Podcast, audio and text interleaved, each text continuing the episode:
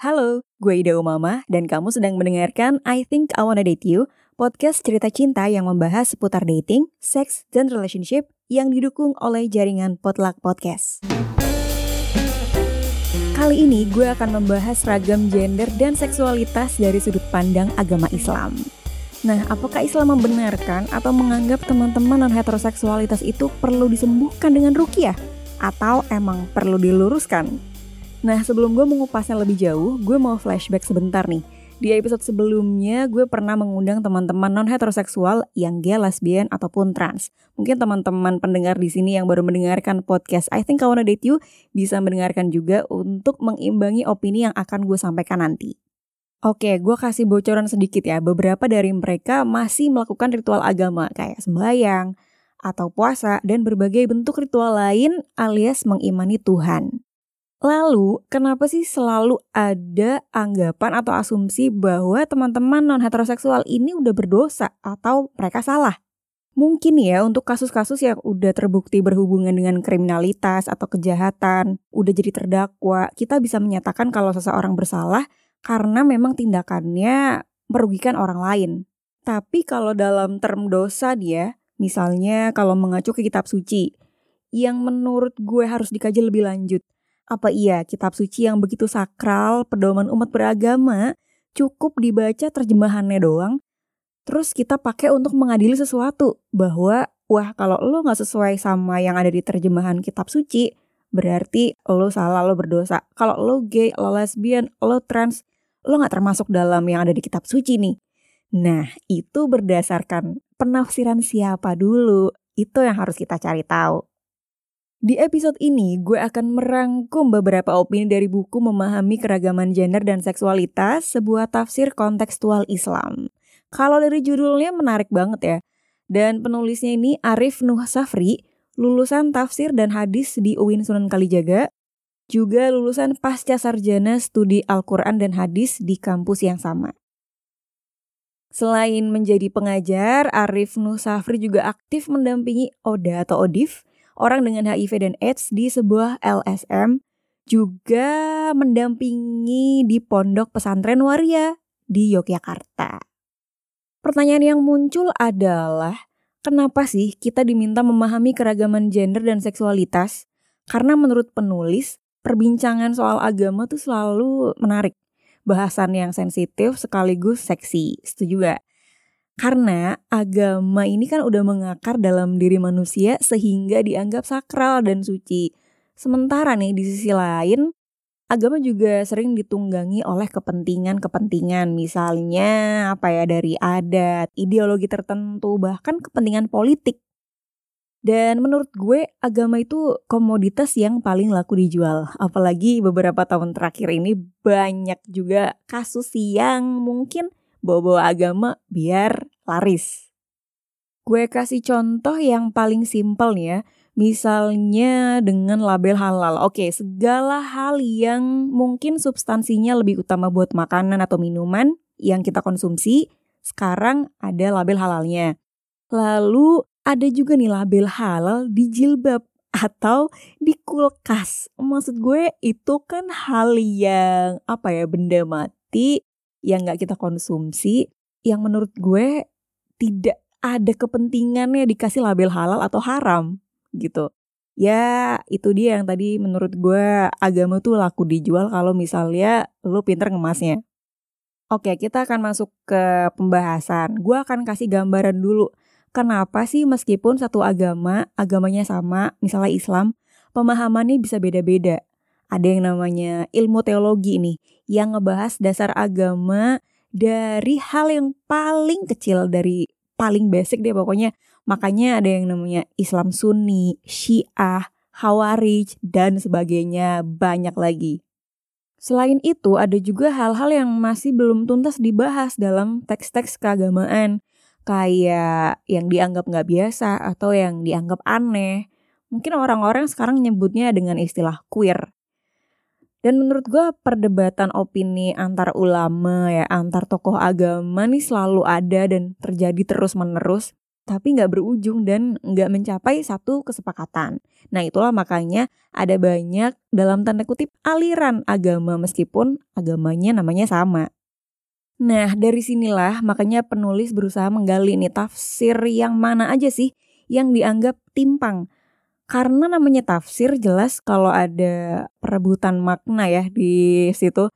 Sebagai contoh nih di Al-Quran ya, ada yang menganggap ayat-ayatnya cukup patriarkis dan normatif. Buat yang belajar bahasa Arab, kata ganti Tuhan tuh pakainya kata ganti mudakar, kata ganti laki-laki. Dulu gue juga sempat penasaran juga ya soal kenapa sih kata ganti Tuhan tuh di situ pakai huwa, kenapa pakai pakai huma gitu. Atau ya pokoknya yang berbau muzakar lah. Nah, dari situ gue jadi jadi mencurigai bahwa apakah Tuhan itu laki-laki? Padahal sebenarnya enggak. Di situ juga dibilang enggak.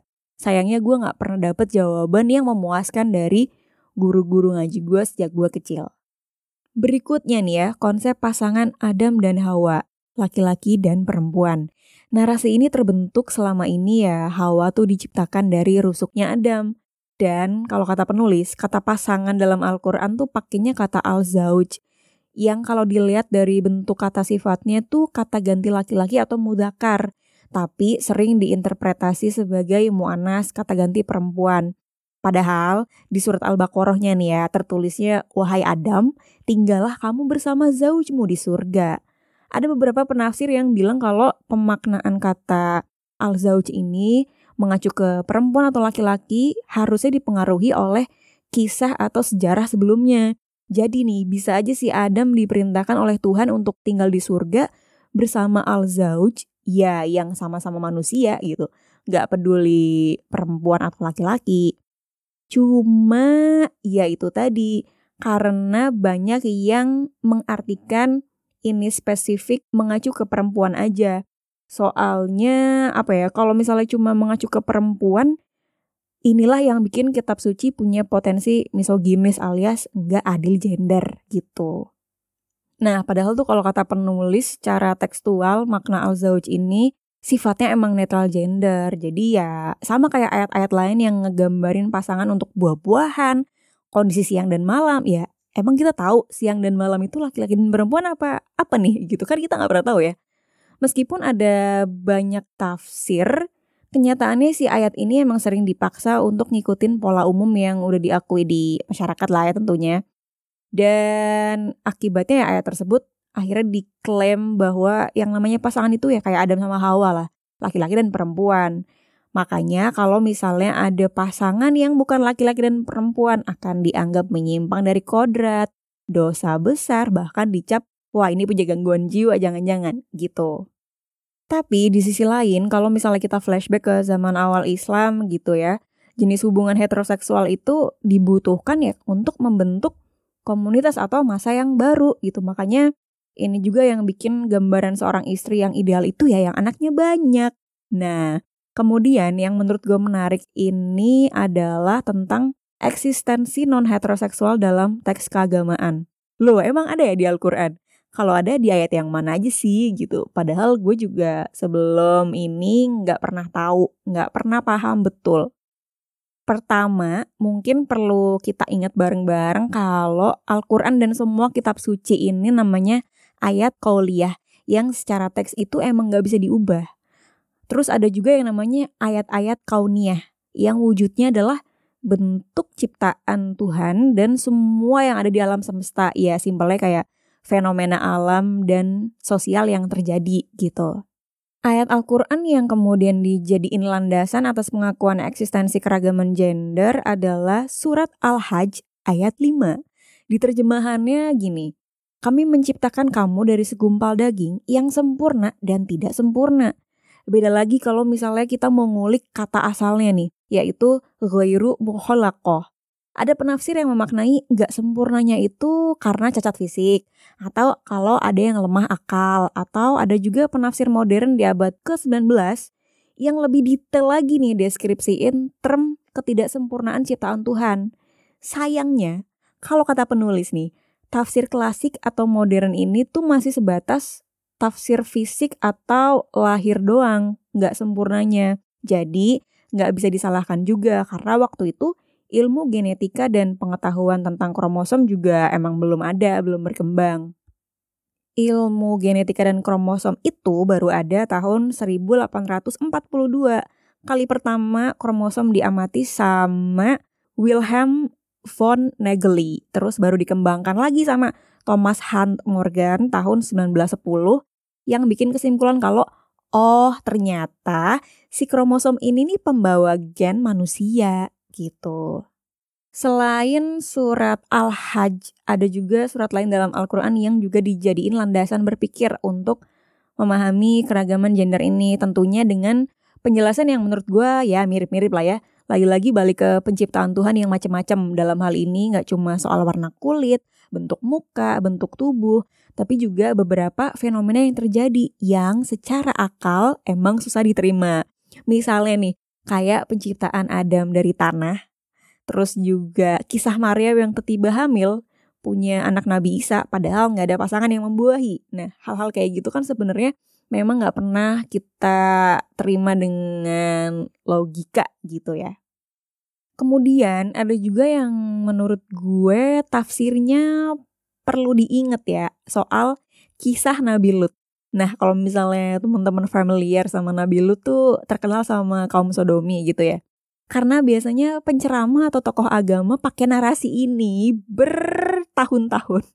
Sejak gue kecil sampai gue udah lebih dari seperempat abad untuk membenarkan atau ngecap homoseksual itu dosa, laknat, dan lain-lain. Sebelum menelan mentah-mentah kisah kaum Nabi Lut nih, baiknya emang kita paham dulu sejarah dan realitasnya ya. Long story short, ketika Nabi Lut berdakwah, Nabi Lut juga sempat singgah di Yordan. Nah, nama daerahnya adalah Sodom dan Gomorrah. Sebenarnya di ayat Al-Quran juga nggak disebut sih kedua nama kota itu.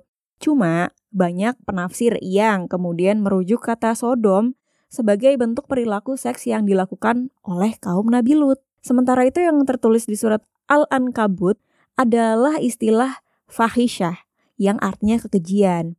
Jadi yang bertanggung jawab sama kosakata Sodom dan Sodomi ini sebetulnya adalah si penafsirnya.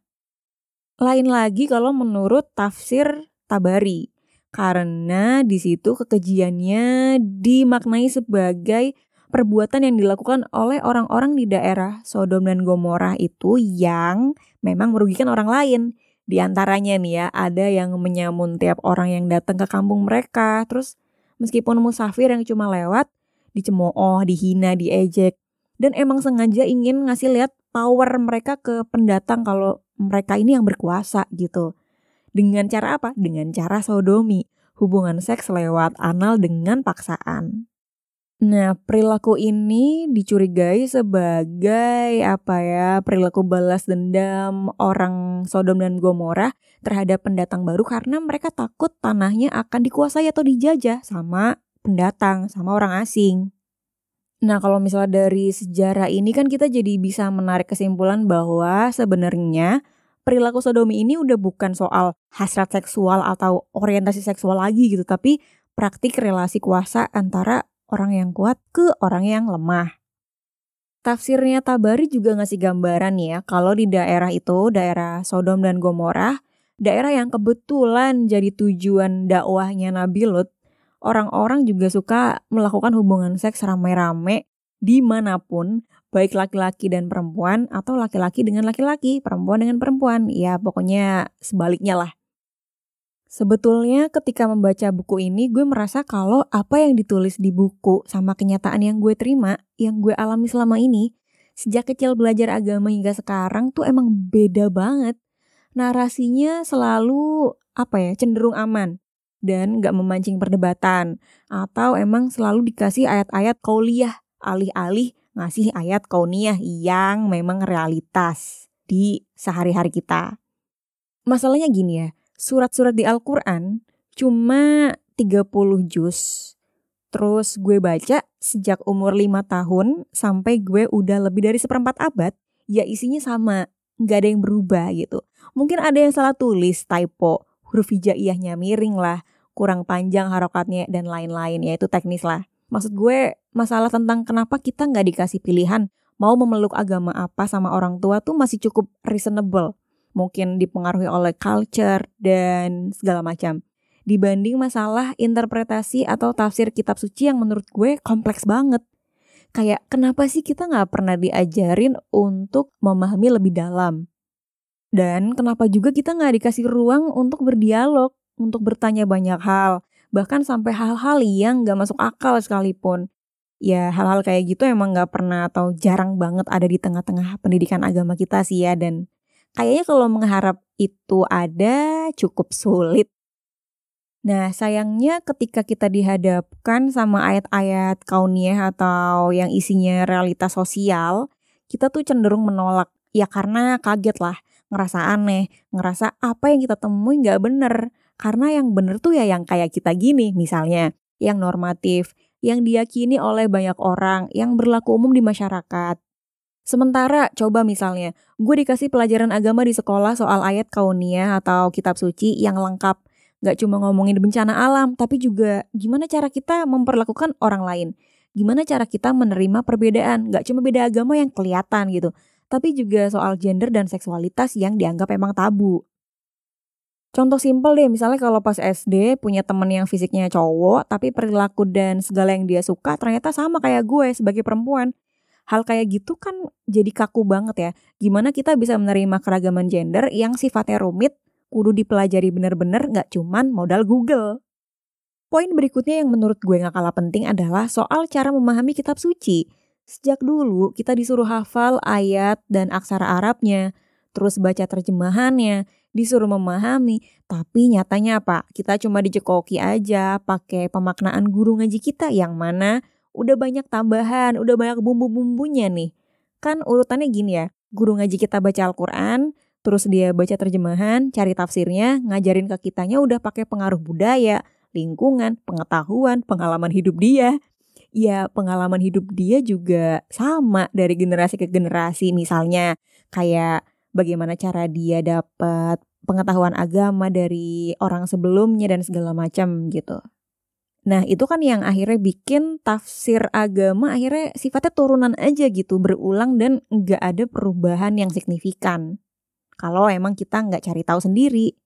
Gue juga merasa begitu ya, karena nggak dibiarkan mencari tahu sendiri, nggak dibiarkan mengeksplorasi apa ya pemaknaan yang gue dapat sendiri gitu. Kalau misalnya kita saling cari tahu, berbagi informasi kan akhirnya bisa didiskusikan ya, bisa diargumentasikan kayak gimana. Ya emang sih kesannya ini ideal banget dan gak akan terjadi begitu aja dengan cepat gitu. Sayangnya agama ya sejak dulu pengajarannya kadang lucu. Kita diminta mengimani sesuatu, tapi sesuatu yang kita tahu asal muasalnya ya nggak pernah lengkap gitu. Karena selalu yang dibicarakan dan yang diutamakan adalah soal dosa, dosa, dan dosa. Kalau lo nggak sholat dosa, kalau lo nggak ke gereja dosa gitu. Alih-alih ngasih pemahaman bahwa ritual dalam agama tuh dibutuhkan biar kita bisa nemu identitas si agama atau biar kita bisa menghormati historisitas agama bukannya agama katanya sakral ya tapi ya anehnya banyak manusia yang nggak tahu gimana cara memaknai agama dan kalau gue pribadi gue lebih menghargai yang namanya pengalaman kebertubuhan seseorang coba bayangin Contohnya perempuan yang ngalamin menstruasi tiap bulan. Ada yang sakit setengah mati, ada yang enggak. Nah, terus apa iya dengan entengnya bisa bilang ke yang ngerasain sakit, ngecap kalau dia pura-pura memilih kesakitan, dia sengaja bohong atau dia berusaha menjadi beda. Kan enggak. Maksud gue itu pengalaman kebertubuhan yang paling sederhana. Gimana pengalaman teman-teman non hetero yang selama ini emang beneran ngerasain sendiri prosesnya. Mungkin ada perasaan aneh, ada rasa bersalah, ada masa-masa denial yang kita nggak tahu dan kita nggak bisa ngerasain. Sementara masyarakat udah keburu menghakimi macam-macam. Wah, lo kalau non hetero dosa tuh gaul sama siapa sih? Kenapa jadi berubah gini? Atau ortu lo salah asuh apa gimana nih? Ya menurut gue itu udah di tahap gak menghargai hak hidup dia ya.